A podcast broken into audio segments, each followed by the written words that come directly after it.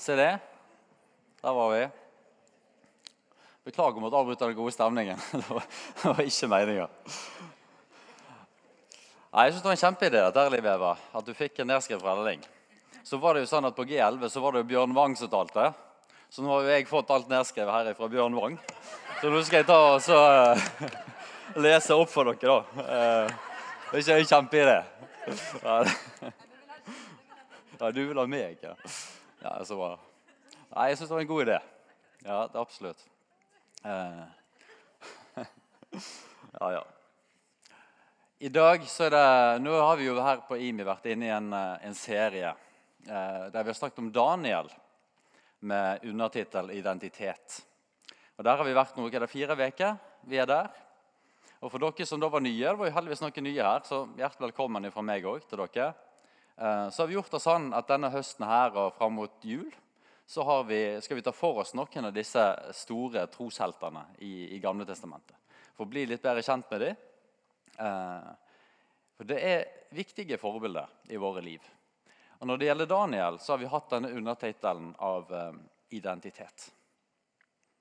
Jeg er veldig glad i å, å få lov til å snakke om identitet. Jeg, av en eller annen grunn så har det hatt seg sånn at når jeg har talt her i Imekirka, så har det vært dette som har vært tema. Uh, og jeg, jeg, jeg, føler meg velsigna. Jeg syns det er en fantastisk ting å få snakke om. Uh, hvis vi skal få tak i det livet som Gud har for oss, som vi er ganske gode på å utfordre hverandre på, oppmuntre hverandre til, så er det så viktig at vi får tak på dette her. Altså, altså hvem er vi? Og hvor ufattelig høyt Gud elsker oss, og at det er utgangspunktet for alt. Altså Hvis ikke vi får tak på det at Gud, altså Hvis jeg og deg får tak på dette Gud elsker deg så tør vi etter hvert å begynne å tenke at vi òg er viktige og betydningsfulle i Hans rike. Så i dag så skal vi igjen få komme inn i Daniel og se hva vi har å få, få lære av han på dette området. Klart, når vi har gått gjennom Daniel nå, så har vi delt opp litt sånn mange kapittel for hver søndag. Denne søndagen her så har vi egentlig kommet fram til kapittel 9-12. Jeg vet ikke, Hvor mange av dere som har lest kapittel 9-12 denne uka? Kan dere ta i hånd i været? Ikke fordi at Det skal ikke bekjenne noen sånne synder. Jeg bare se litt, her, ha det litt for meg. Hvor mye forhold dere hadde til dette her.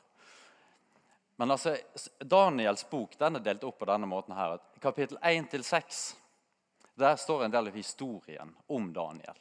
Hva som skjedde i hans liv. Det står beskrevet eh, i, i tredjeperson. Altså, der står Daniel omtalt. Hans liv og hans virke. Og Så kommer vi nå, midt inne der vi er nå, fra kapittel 7 og ut kapittel 12 så kommer vi inn i den delen av boka som, som deler noen av disse synene som Daniel fikk. Og Da er det plutselig skifta. Da, da sitter Daniel der og beskriver det sjøl. Altså, jeg så sånn, jeg så sånn, jeg hørte dette, og jeg følte sånn. Så nå er vi midt inne i disse kapitlene. Jeg skal beskrive litt av dette her etter hvert, men, men vi skal holde fast litt på Daniel først.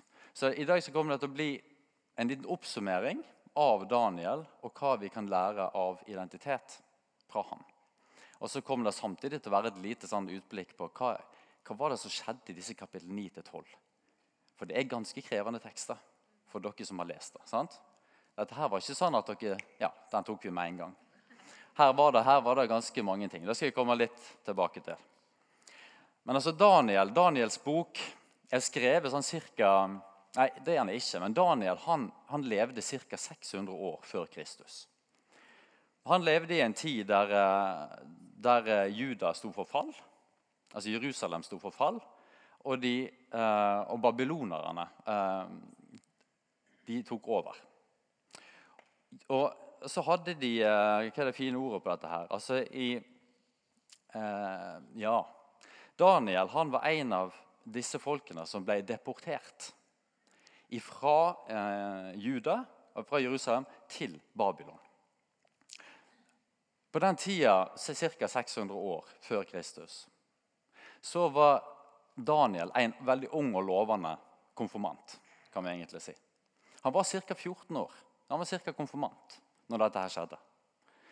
Så ble han og noen av hans nærmeste venner eh, de ble altså henta fordi at de var flinke, de var evnerike.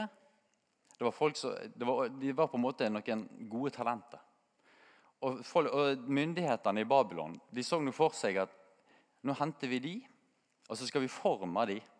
Og så skal vi omforme de, omprogrammere de til å bli gode talspersoner inn i jødefolket på vegne av oss. Det er noe av bakgrunnen for Daniel. Han ble altså deportert som 14-åring ca. 600 år før Kristus. Det som skjedde, og det vi har vært gjennom i de første seks kapitlene når vi har lest om Daniel og hans liv det vi, Da ser vi at denne planen til, eh, til babylonerne den slo ikke til. Derfor har vi òg undertittelen på 'Identitet på Daniel'. Daniel han, han nekta å gi slipp på hvem han egentlig var. Sammen med sine venner så klarte de å holde fast på dette. Hvor de kom ifra. Hvem de skulle tilbe. På grunn av dette så har Daniel blitt et veldig stort forbilde for oss. Vi har lest om Daniel og vennene hans og hvordan de ble utfordra. Hvordan vennene med de flotte navnene som jeg ikke klarer å huske det, Shadrach, Mesak og Abed Negro.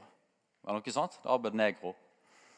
Hvordan de ble utfordra, trua på livet, til å gi opp den de var.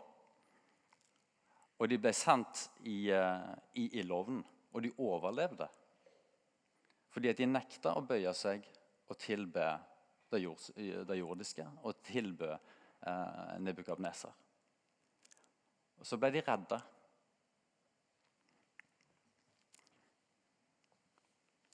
Vi har òg sett hvordan Daniel sjøl overlevde å bli kasta i løvehula. De var troshelter som kom styrka ut av prøvelsen, og som vant innflytelse gjennom sine prøvelser.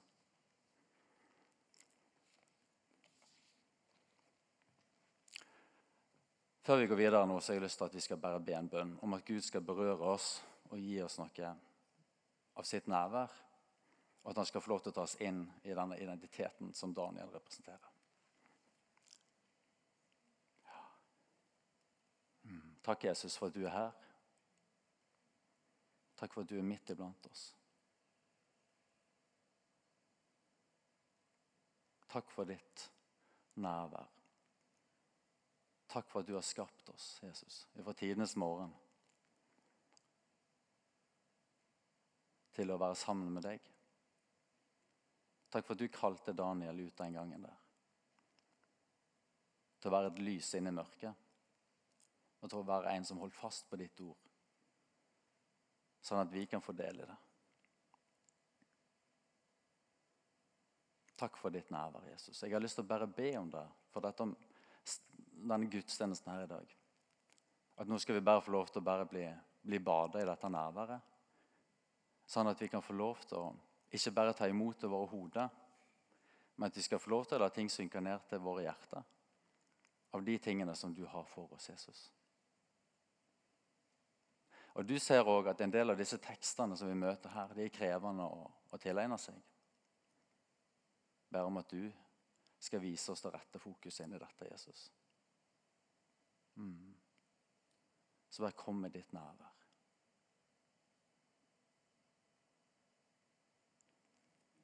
Amen.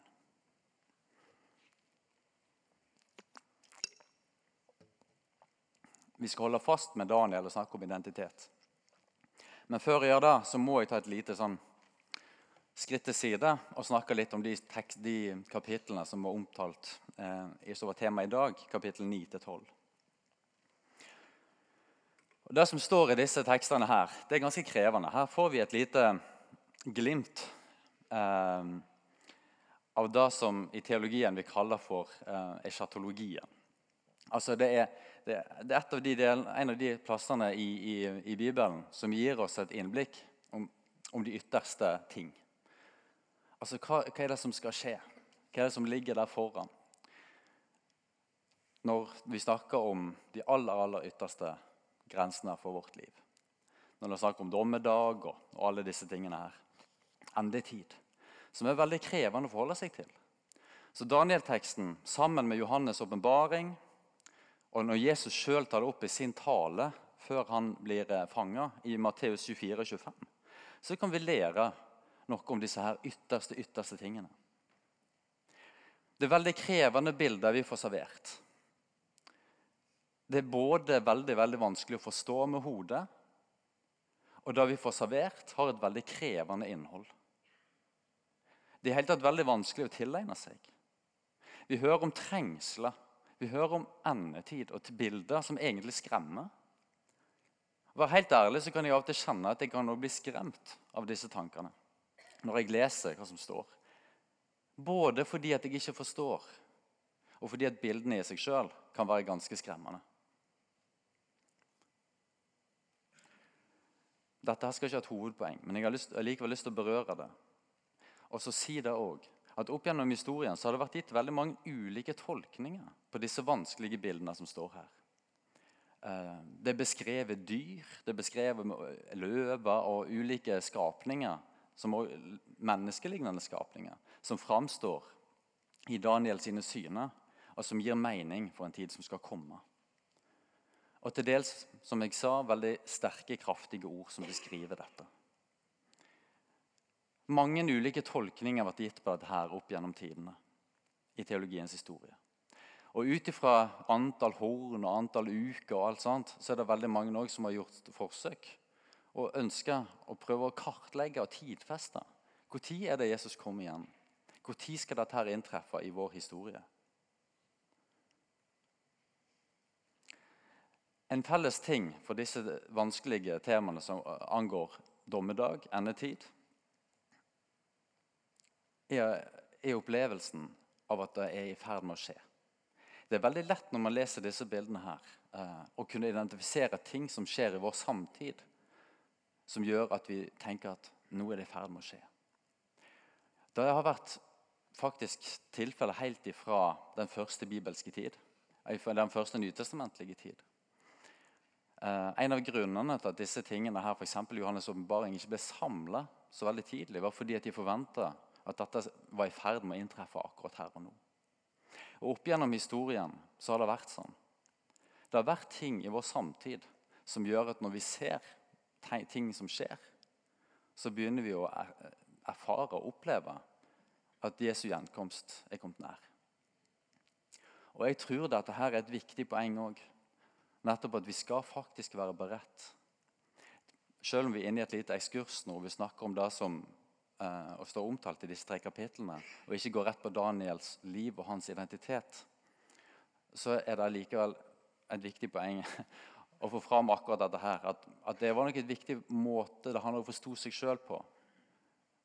At han så seg sjøl òg.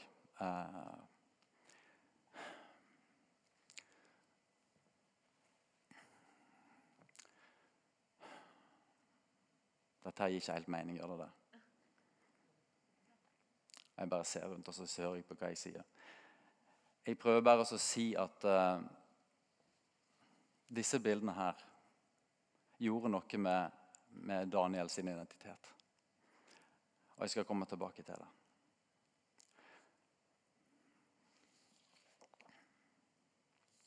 Jeg tror jeg har lyst til å bare gå rett videre. Jeg, jeg kjente på det.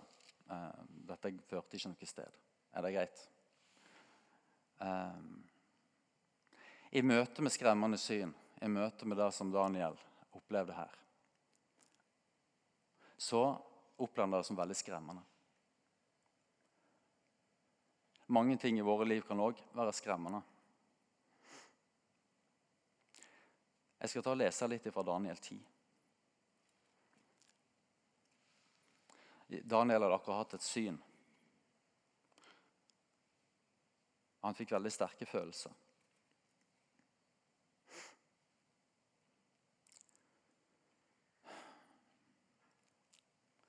Så ble jeg alene tilbake. Når jeg så dette store synet, så svant kreftene. Jeg skifta farge og ble likbleik. Til slutt så var all min kraft borte. Jeg hørte lyden av ordene hans.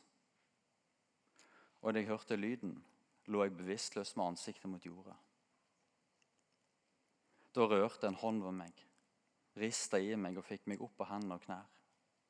Og han sa til meg, Daniel, du høyt elskede.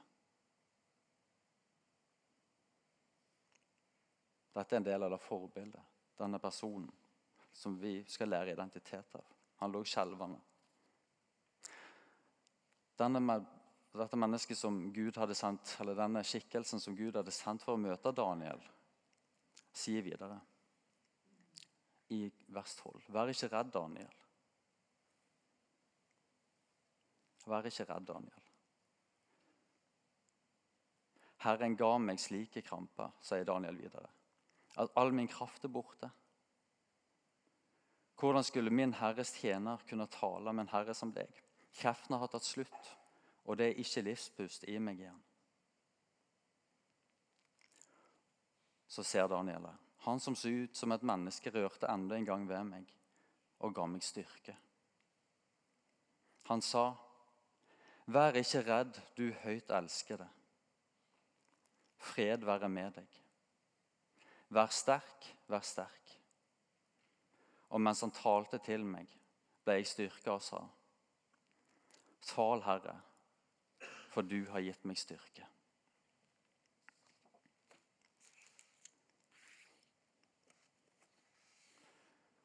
Hanne, kan vi få opp vers 10, vers 18? 1 kapittel 10, vers 18. Opp på skjermen.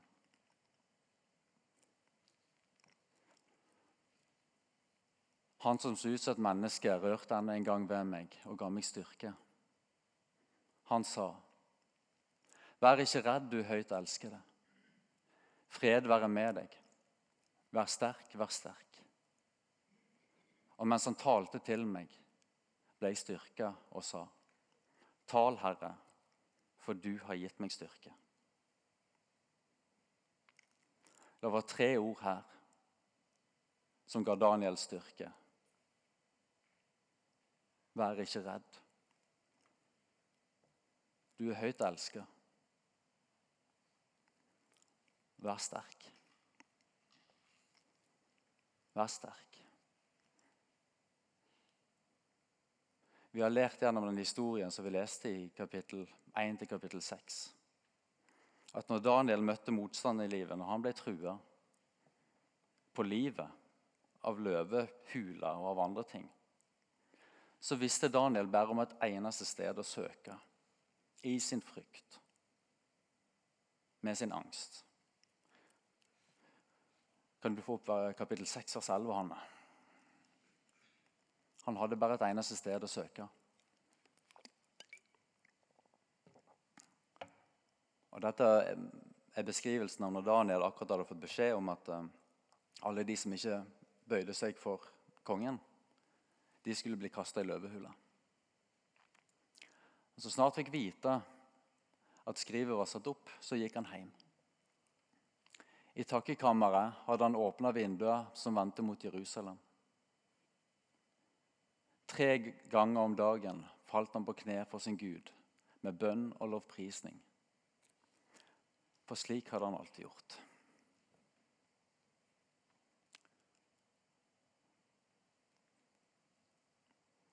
Når Daniel møter disse sterke utfordringene i livet sitt, så vet han bare et eneste sted å gå. Og det er å komme inn på sitt eget stille sted, der han kan få være sammen med Gud og få erfare at han er høyt elsket. Få erfare at han ikke trenger å være redd, og finne styrke.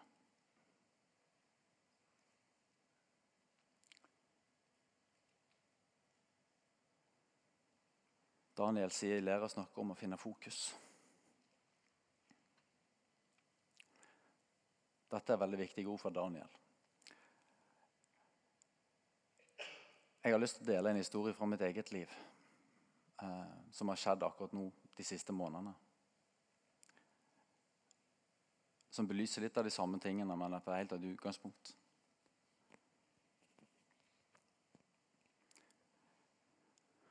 Jeg tror kanskje, Kan vi få opp et vers til som jeg har lyst til vi skal lese sammen?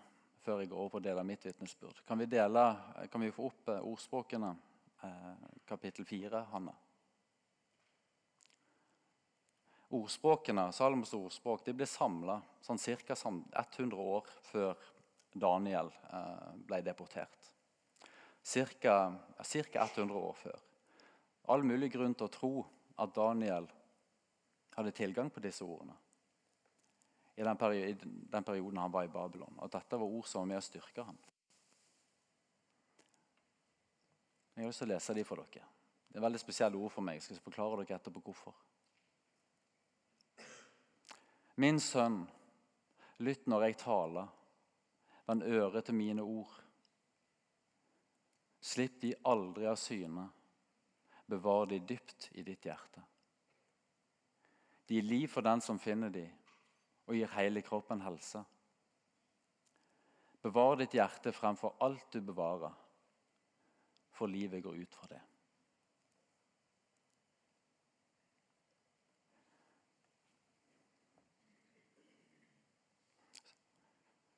Bevar ditt hjerte fremfor alt du bevarer, for livet går ut fra det. Det var nettopp det Daniel gjorde. I enhver situasjon han var oppe i, så var Daniel opptatt av én en eneste ting. Bevar ditt hjerte.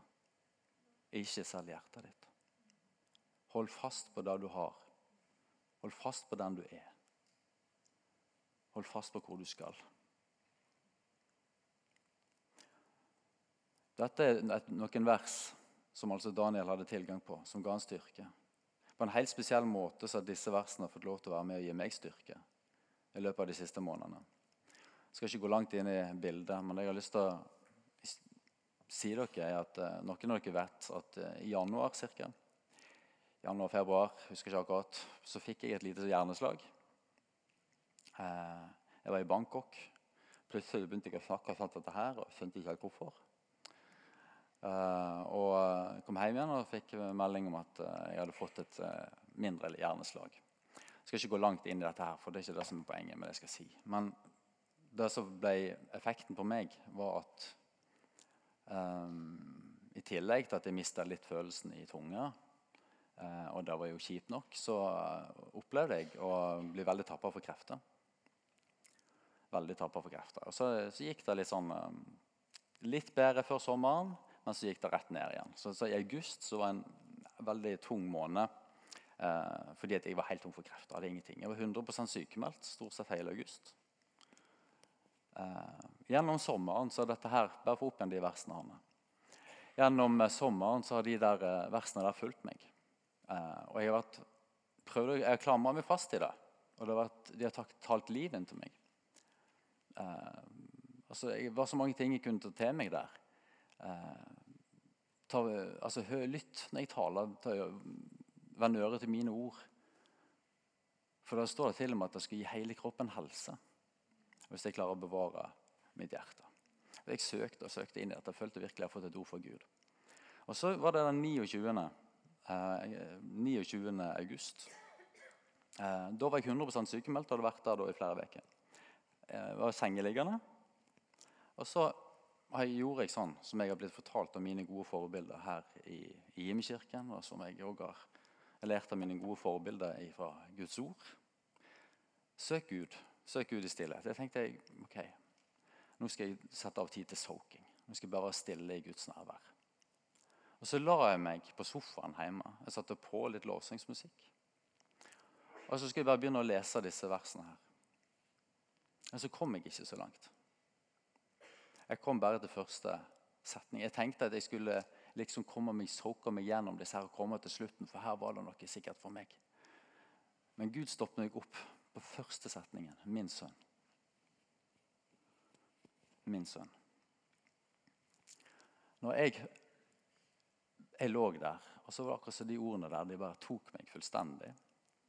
Og så kom denne her freden inn i min kropp, som jeg, som, den som overgår all forstand. Og så lå jeg to timer ganske helt sånn urørlig hjemme på sofaen alene med lovsangsmusikken på. Helt fredfullt. Og kjente bare på en sånn enorm fred som fylte hele rommet og hele kroppen.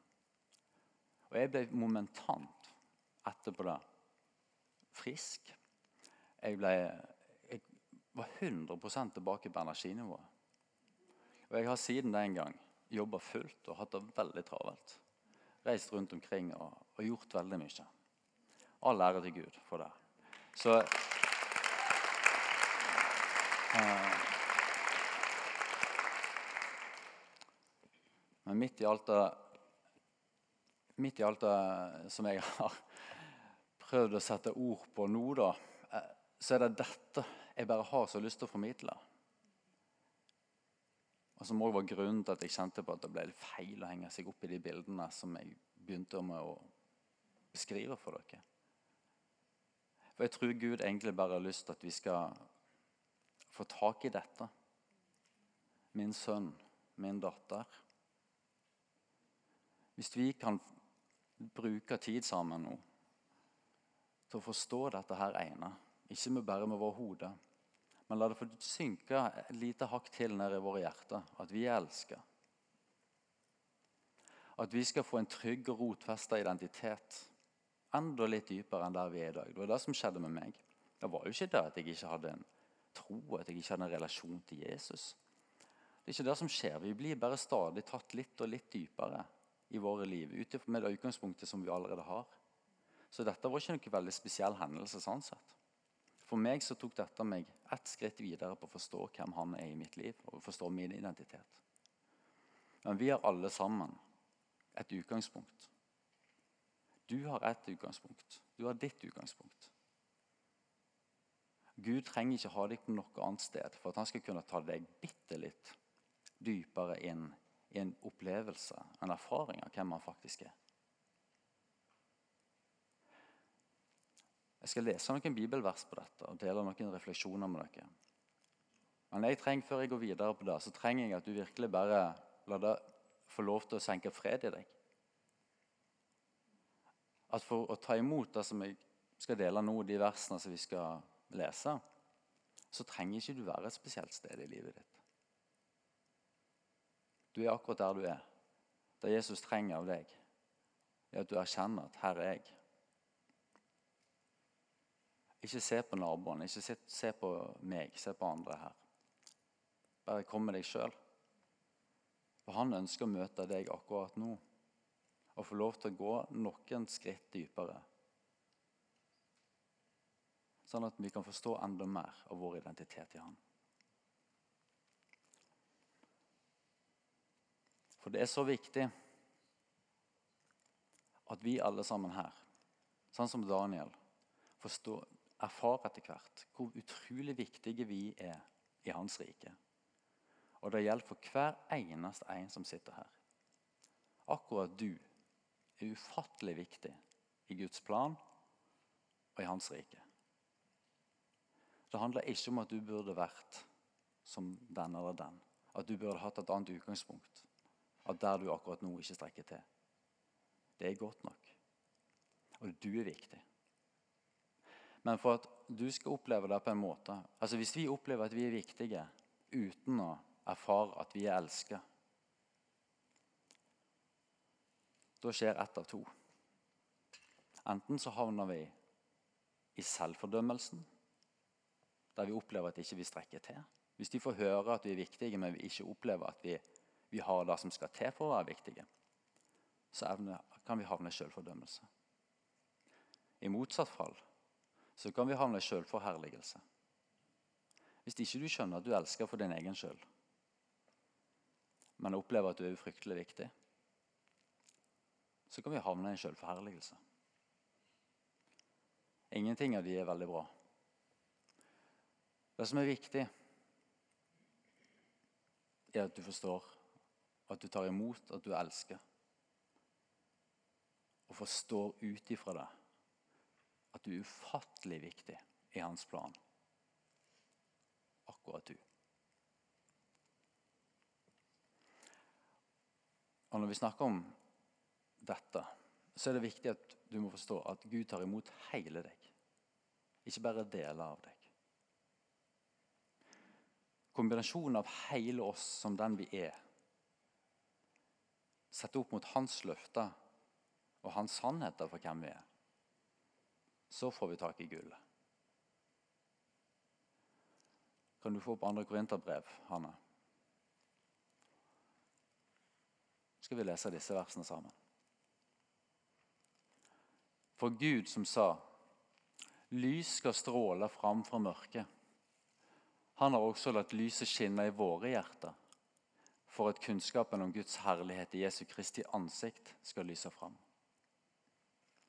Men vi har denne skatten i leirkrukka for at den veldige kraften skal være for Gud og ikke oss sjøl. Dette er en sannhet for alle dere som har tatt imot Jesus i deres liv. Og det er en tilgjengelig sannhet for alle dere som er her som har et uavklart forhold til det. Det er bare til å ta imot troen. Så dette er Guds løfte over ditt liv. Lys skal stråle framfor mørket. Han som sa det, han som en gang, når han skapte denne verden, skilte lyset Nei, han skilte lyset fra mørket. Han har gjort det samme i ditt liv. Jeg snakker ikke til noen av dere, jeg snakker faktisk til alle. Han har gjort det i ditt liv. Han har skilt mørket ifra lyset. I ditt hjerte så er lyset skilt ut fra mørket og la stråle fram. Enten du vil eller ikke. Ikke for at vi skal løfte opp oss sjøl. Ikke for at vi skal forherlige oss sjøl, men fordi at han skal bli løftet opp. Som det står i verset før det som står her, at vi forkynner ikke oss sjøl, men Jesus Kristus som Herre og oss som tjenere for Jesus skyld. Og så står det på slutten her dette, lyset det skinner i deg. Dette visste Daniel, og dette merkte de kongene som han sto i berøring med. Såpass mye at de faktisk begynte å tilbe denne guden som skinte gjennom Daniel. Så står det noe ufattelig viktig som vi skal forstå på mange nivå. At denne skatten og dette lyset her, det har vi fått i leirkrukka. For at den veldige kraften skal være for Gud og ikke oss sjøl. Leirkrukka kan være et symbol på sprukkenhet. Det kan være et symbol på at ikke alt er perfekt. Allting er skjørt. Jeg vet at vi har en tendens til veldig ofte å gjøre den sannheten og la den få diskvalifisere oss i både ifra å motta kjærlighet og å motstå den hensikten som Gud har for vårt liv. Men faktum er at det er en bibelsk sannhet at han ønsket å sette det i leirkrukka. For at den veldige kraften skal merkes at den er fra Gud, og ikke fra oss sjøl. Du er lys. Men hvis du desperat sitter her og prøver å lappe over sprekkene de leirkrukke og framstår som om at alt er helt og fint, så vil du faktisk dekke til så lyset ikke slipper igjennom. Har du tenkt på det? Hvis du er ærlig på eget liv, så har du sprekker.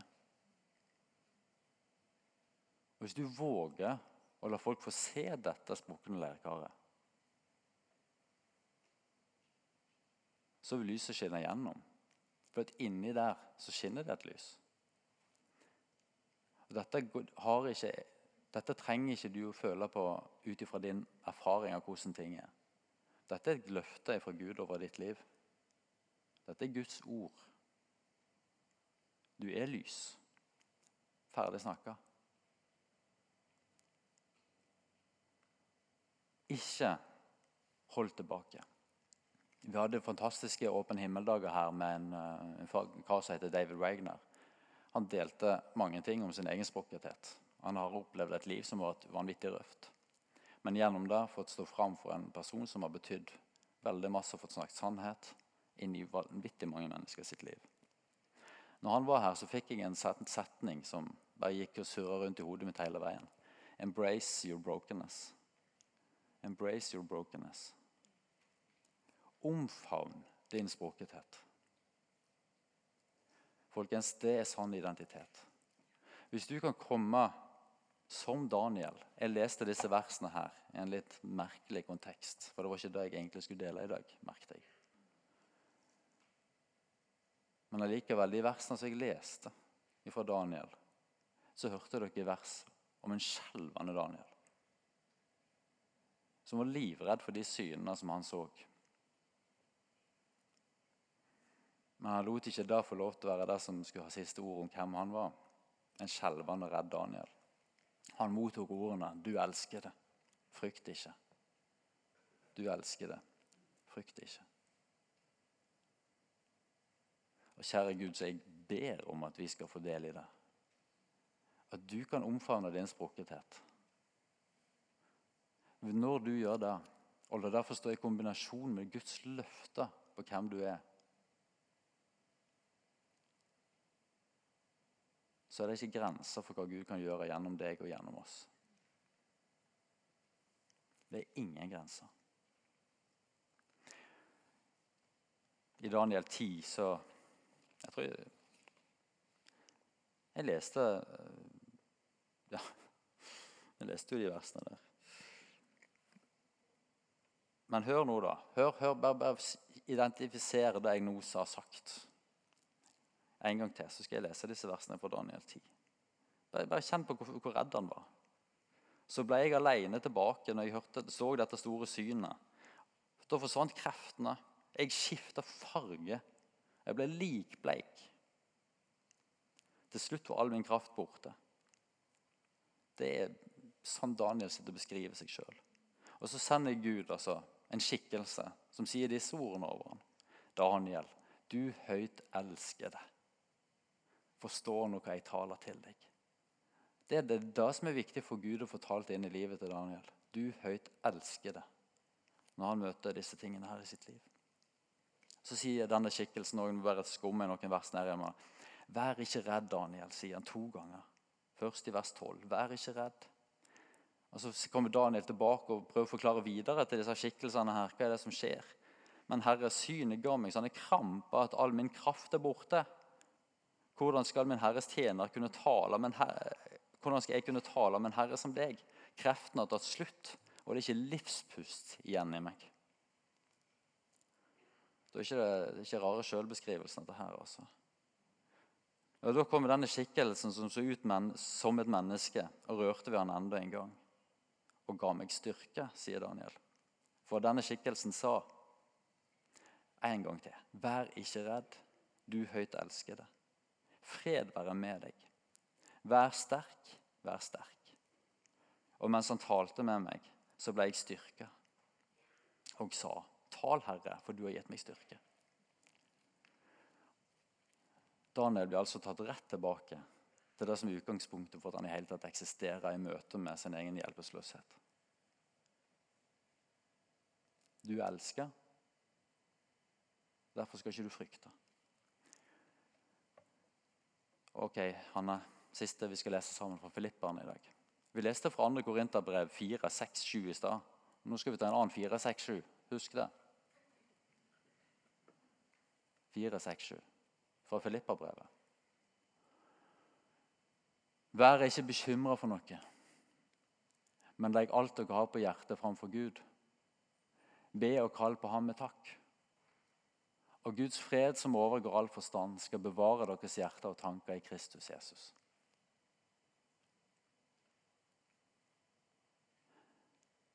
Bevare ditt hjerte, for livet renner ut ifra det, leste vi stad fra ordspråkene. Bevare ditt hjerte. Vær ikke bekymra for noe. Folkens, ikke vær så bekymra. Og jeg snakker til meg sjøl òg. Vi må ikke være så bekymra. Gjør som Daniel. Be og kall på ham med takk. Det var det han gjorde når han gikk i sitt lønnkammer og åpna vinduet mot Jerusalem når han var trua på livet. Han ba, og han tilba. Be og kall på ham med takk. Og Guds fred, som overgår all forstand, skal bevare deres hjerter og tanker i Kristus Jesus.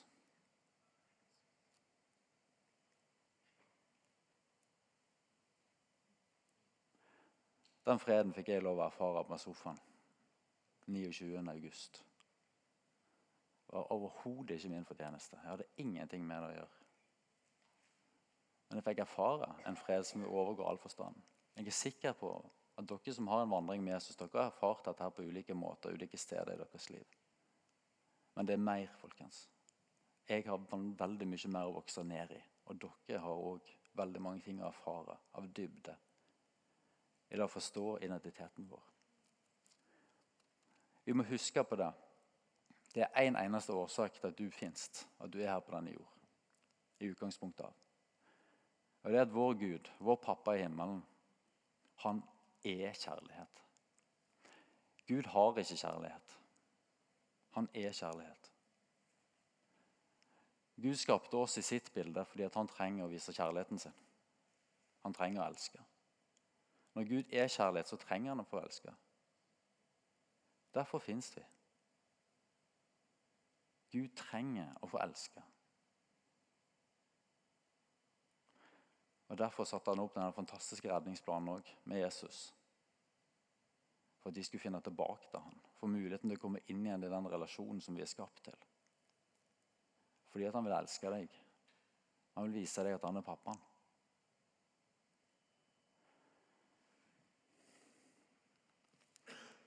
Som jeg sa Når vi forstår, ikke med våre hoder, men med, våre hjerter, at vi elsker, så må du begynne å våge å drømme og tenke at du er vanvittig viktig. Du, akkurat du er vanvittig viktig i Guds rike.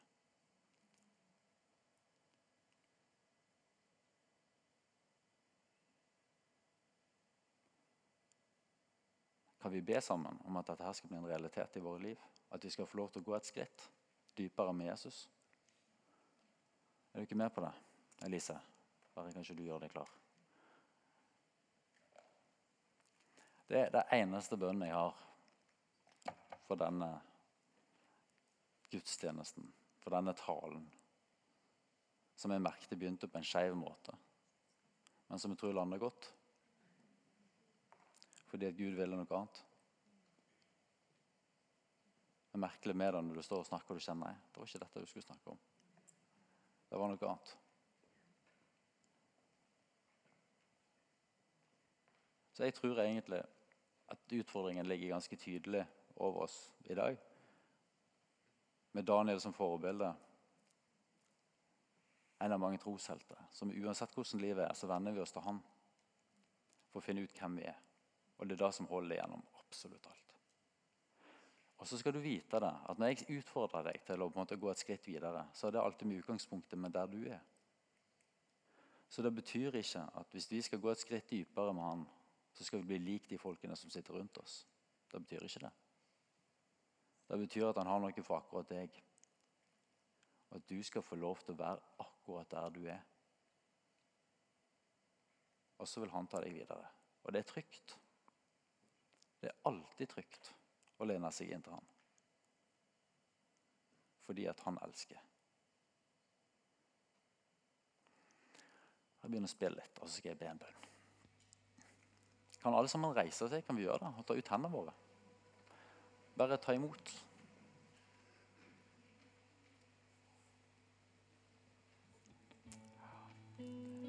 Kjære Jesus, jeg har bare lyst til å takke deg at vi kan komme til deg.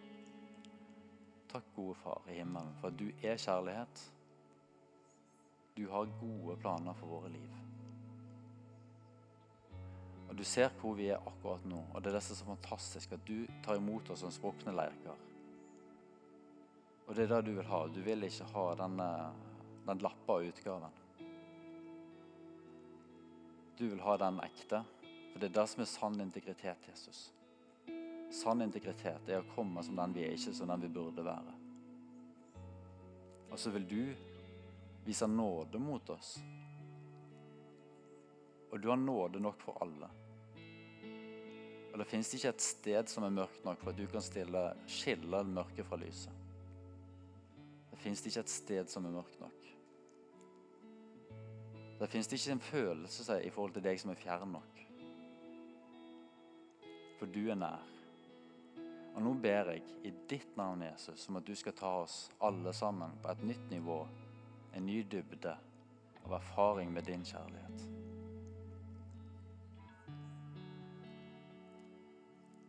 Gode Gud, ta oss nye skritt. Og så har vi lyst til å gjøre sånn som du eh, viste oss gjennom Daniel.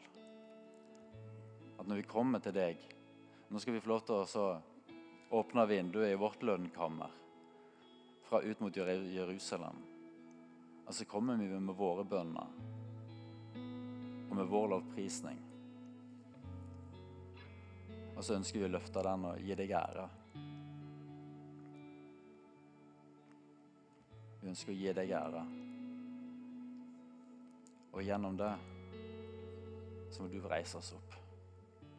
Og jeg ber for hver eneste en her inne at alle som går ut ifra dette rommet her i dag, skal ha en erfaring av å være elska og være viktig.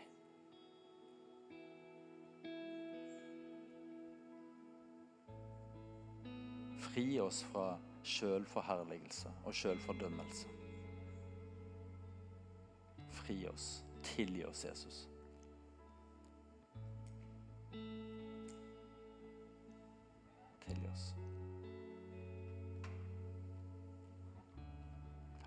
Før vi går videre i forbønn, så skal vi da en sang. Ta imot. Og samtidig så tar jeg imot. Løft opp hans navn.